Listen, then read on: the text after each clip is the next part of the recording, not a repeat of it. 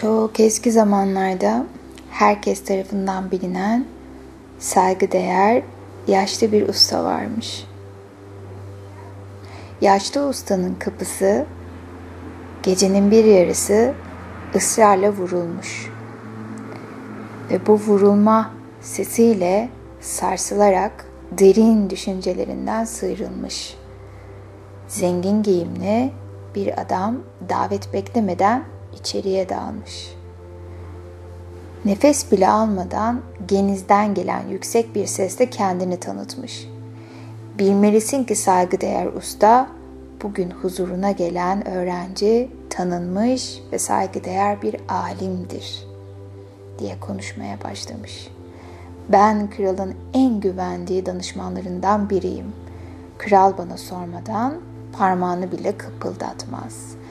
Tavsiyelerim ve bilgeliğim elbette başka pek çok güç sahibi kişi tarafından da talep görüyor. Bulunduğum konuma gelmem kolay olmadı. En iyi ustalarla çalıştım. En katı öğretilere uydum ve sürekli kendimi geliştirmeye çabalıyorum. Senin bilgin ve öğretilerin pek çok kişi tarafından bendenize ısrarla tavsiye edildi. Bunun için seni görmeye geldim.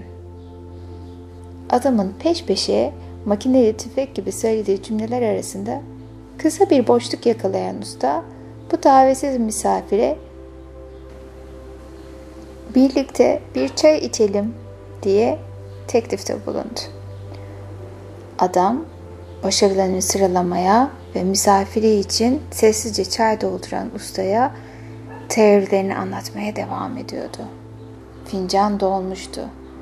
Ama yaşlı usta çay fincanından taşıp masaya, oradan da misafirin kucağına akmaya başlayana kadar dökmeye devam etti. Üzerine çay dökülen adam ayağa fırlayıp paltosunu silkelerken yaşlı adam fincanın dolduğunu görmüyor musun? Fincandan daha fazlasını alamadığı halde neden hala çay dolduruyorsun diye bağırdı. Yaşlı adam, senin zihninde evlat, bu fincan gibi, dedi yaşlı adam. Yeni bilgiler alamayacak kadar dolu. Git onu boşalt. Bana boş bir fincan gibi bir zihinle gelene kadar sana öğretecek hiçbir şeyim yok. Peki, aslında yaşlı adam ne söylemek istemişti adama? Kalbinin sesini dinle. Hayatın bu yüksek temposu içinde çoğu kez ihtiyaçlarımız veya kalbimizden geçen en derin arzular yerine bir görev duygusuyla hareket ederiz. Yeni bir girişimde bulunmadan önce kendimizi dinlememiz ve bir şeyler yapmak için motive eden nedenleri sorgulamamız çok önemlidir. Yeni bir şeye başlamadan ya da yeni sorumluluklar almadan önce içine sor. Acaba yeniliğe gerçekten açık mısın? Eğer değilsen bekle, yavaşla ya da yeni bir şeylere başlamak için gereken boşluğu yaratmak adına bir şeylerden vazgeç. Başlamak üzere olduğun veya kısa bir süre önce başladığın bir projeyi düşün mesela. Bu proje için harekete geçmek içinden mi geldi yoksa dışarıdan zorlamayla mı oldu?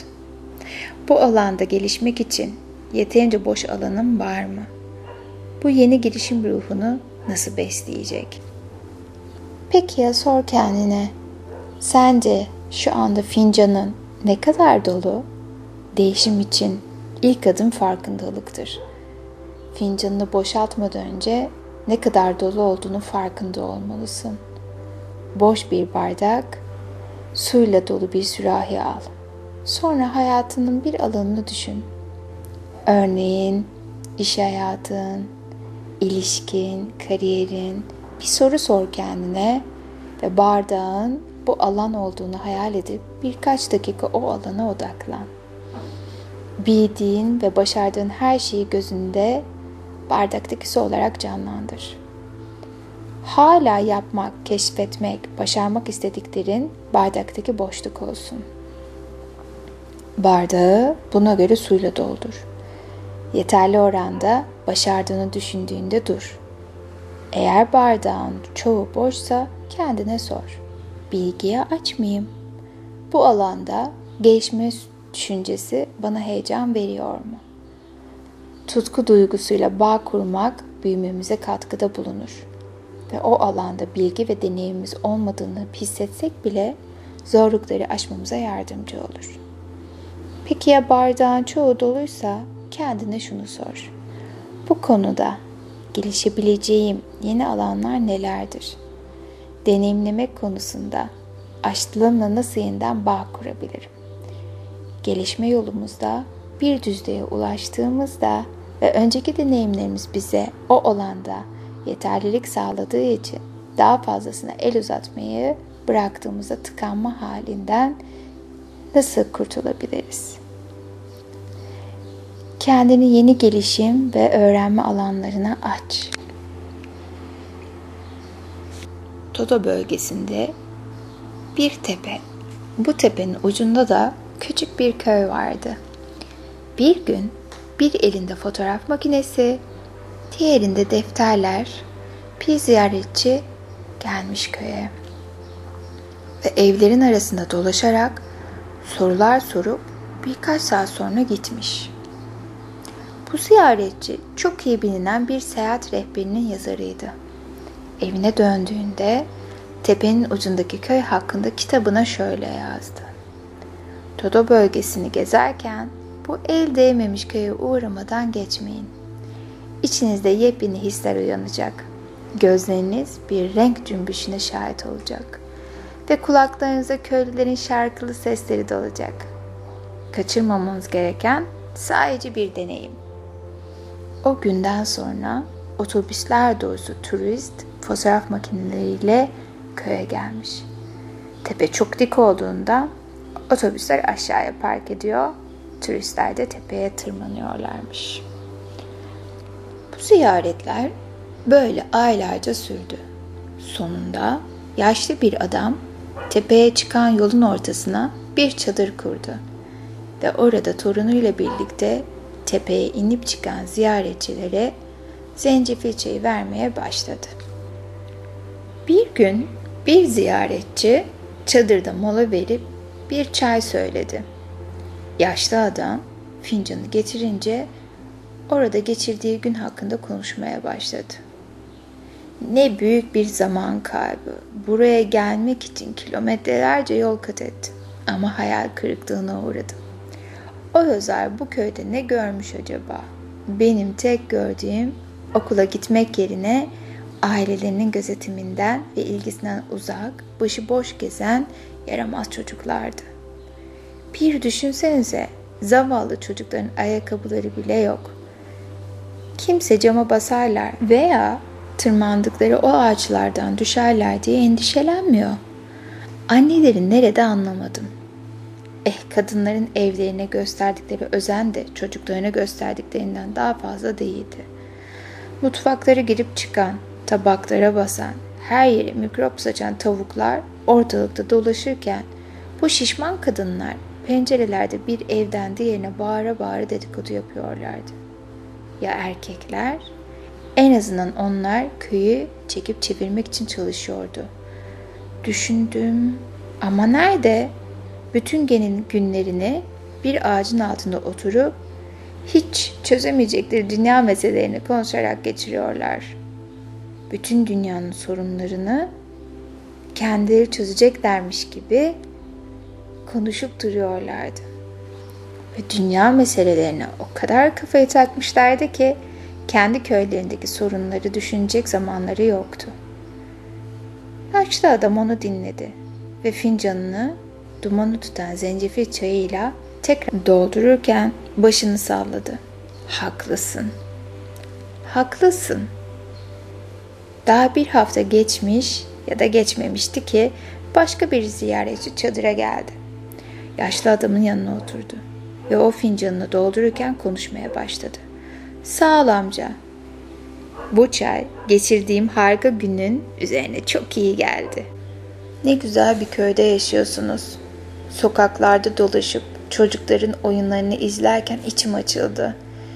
Köyünüzün çocukları çok neşeli ve özgür.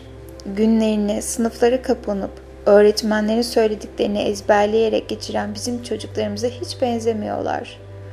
Burada çocuklar her şeyi kendi deneyimlerinden ve oyunlarından öğreniyor. Ne kadar cesurlar, nasıl doğa ağaçları tırmanıyorlar. Tabii kendilerine de güveniyorlar. Çünkü etrafındaki yetişkinler onlara güveniyor. Kimse benim ülkemdeki bazı anne babalar gibi aşırı korumacı değiller ve tepelerinde dikilmiyorlar. Aslında ayakkabıları bile yok. İşte bu harika. Çocukların toprakla temasını kesmemek gerek. Bu arada bedenleriyle barışık o kadınlar, o sağlıklı, dolgun, güzel kadınlar.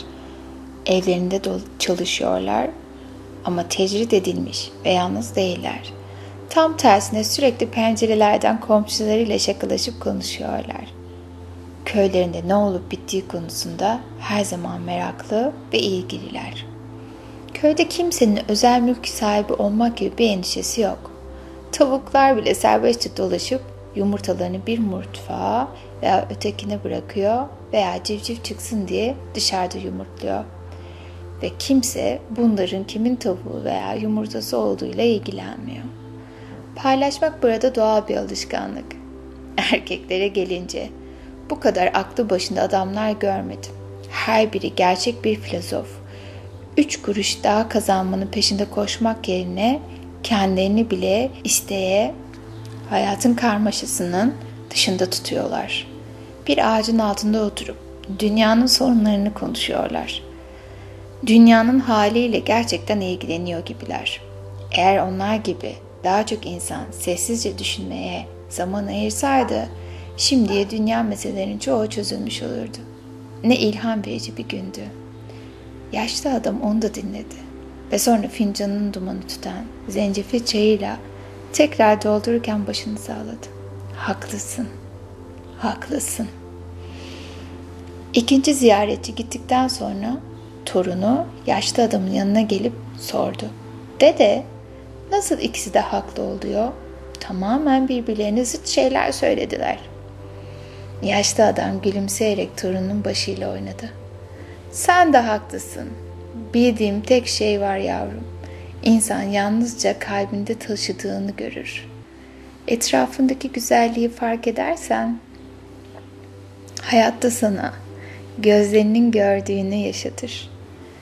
Genellikle duygularımızın ve izlenimlerimizin içinde bulunduğumuz koşullar tarafından yaratıldığını düşünürüz. Ama piyangodan bir trilyon kazanmanın bile mutluluk seviyesine yükseltmekte bir yıldan uzun bir süre işe yaramadığı kanıtlanmış durumda. Asıl yapmamız gereken bütün koşullarda etrafımızdaki güzelliği görmemizi sağlayacak bir içsel denge oluşturmaktır. Sen de koşulların değişmesini beklemeden bugün daha huzurlu bir denge yakalayabilirsin. Dünyaya yeni gözlerle bakmayı dene. Yanına bir fotoğraf makinesi veya yaşadığın şehrin bir haritasını al. Bir günlüğüne yaşadığın şehirde bir turist gibi gez. Hoşuna giden şeylerin fotoğrafını çek. Her şeyin vitrinlerdeki ürünlerin, havanın, şehir sakinlerinin kıyafetlerini, alışkanlıklarını, sürekli gittiğin kafeyi, sunulan yiyecek ve içeceklerin seni şaşırtmasına izin ver. İçindeki turist kendi dünyanla ilgili unuttuğun şeyleri keşfediyor. Ve sanki gözlerindeki perdenin kalktığını ve hayata yeni keşiflerle baktığını fark ediyorsun. Ve bir alıntıyla masalı bitirelim. Bir şeyi itiraf et. Kimi görsen ona beni sev diyorsun. Neden gözlerinde dolunay olan kişi sen kendin olmuyorsun? Bu o tatlı ay diliyle dünyadaki diğer her gözün her zaman duymak için can attığı şeyi söylemektedir. Bir zamanlar geçinmek için kasabaya uzak bir nehirden her gün su taşıyan bir sucu varmış. Su taşımak için omuzlarından destek alıyor ve dengede tuttuğu bir sopanın iki ucuna iki toprak testi asıyormuş. Testelerden biri parlak kırmızı renkte, düzgün ve tamamen su geçirmezmiş. Diğeri ise eski, rengi solmuş ve biraz çatlakları olan bir testiymiş. Hatta sucu yolda giderken biraz su sızdırıyormuş. Zaman geçtikçe testinin çatlakları öyle artmış ki sucu kasabaya ulaştığında taşıdığı suyun ancak yarısını getirebiliyormuş. Teste her geçen gün daha fazla su sızdırmaya başlamış. Testi için bu durum öyle büyük bir utanç kaynağı haline gelmiş ki sonunda utancını daha fazla gizlemeyerek sucuya seslenmiş. Sahip, lütfen beni kır, at beni, kurtul benden. Bu ıstıraba artık katlanamıyorum. Ben artık suyu tutamıyorum ve benim kusurlarım yüzünden sen her gün iki kat daha fazla çalışmak zorunda kalıyorsun. Benim yerime işini daha iyi görecek bir testi al. Böylece daha az çalışıp daha çok kazanırsın. Lütfen bu ızdıraba bir son ver artık. Ah demiş sucu. Sen kendin hakkında böyle mi düşünüyorsun? Öyleyse lütfen izin ver. Yarın nehirden dönerken sana bir şey göstereyim. Ertesi gün iki testiyi de doldurup her zaman yaptığı gibi birini sopanın sağına, çatlak olanı da soluna takan sucu patikanın sağını işaret ederek sormuş. Ne görüyorsun söyle. Testi cevaplamış. Toz, toprak, taşlar görüyorum. Bunu duyan sucu yolun sol tarafını göstererek sormuş. Peki bu tarafta ne görüyorsun? Testi cevaplamış. Ah bu tarafta çiben, yamani otlar, çiçekler var. Evet demiş sucu. Bu güzelliği her gün patikanın bu tarafına biraz su damlatarak sen yarattın. Toprağın susuzluğunu giderdin. Uyuyan tohumlara can verdin ve açan çiçekleri besledin. Her hafta patikanın bu yanından çiçek toplayıp karıma götürüyorum. Bu güzelliğin onun benim hayatıma verdiği güzelliği yansıtmasını bilsin istiyorum. Ve evimden bu yüzden neşe hiç eksik olmuyor. Evet çatlak testi. Su taşımak konusunda yeterli olmayabilirsin. Ama suyunu fark etmeden toprakla paylaşarak üzerinde yaşadığımız yeri besleyip güzelleştiriyorsun. Ve olduğun haline mükemmelsin. Hepimiz bir şekilde birer çatlak testiyiz. Mükemmellik ulaşılması mümkün olmayan bir hedeftir. Eğer bu dünyaya bir katkı sağlayacaksak bir bütün olarak hem güçlü hem zayıf yönlerimizde yaparız. Kendimize ait özellikleri dışlayarak dünyaya bir yarar sağlayamayız. Artık kendi çatlaklarını kucaklama, onların seni biricik yapan şeyler olduğunu kabul etme zamanı geldi. Onlarla muhteşem ve tamsın. Peki, güzel bir kırık fincan bulmaya çalış. Büyük annenin evine veya ikinci el bir el pazarına bakabilirsin. Dolabın arkalarında unutulmuş, çocukluğundan kalma eski bir fincan da olabilir. Bu fincanı kahvaltı fincanı yap. Kusurlarımızın güzelliğini o fincanın eşsiz yapanın kusursuz olduğunu hatırlatması için günün ilk çayını veya kahvesini bu fincanla iç. Bir çatlak var her şeyde. Işık işte böyle girer içeriye. Kusurlarımız bize hayattaki maceralarımızı, kazandıklarımızı veya kaybettiklerimizi hatırlatır. Ve aslında mükemmel olmak zorunda olmamamızın en büyük kanıtıdır. Ben mükemmel olmak zorunda değilim. Ve yapabildiğim şeyleri en güzel haliyle yapıyor ve kendimi sevgiyle kabul etmeyi seçiyorum. Ve birazdan çok güzel, derin bir uykuya dalıp tüm günün ve tüm yaşamın yorgunluğunu unutarak mutlu, huzurlu, keyifli bir şekilde güne başlayacaksınız. Ve derin bir uykunun vermiş olduğu zihinsel, ruhsal ve fiziksel rahatlamayla güne başlayacaksınız. Umutla, huzurla, neşeyle güne başlayacaksınız. Güzel uykular.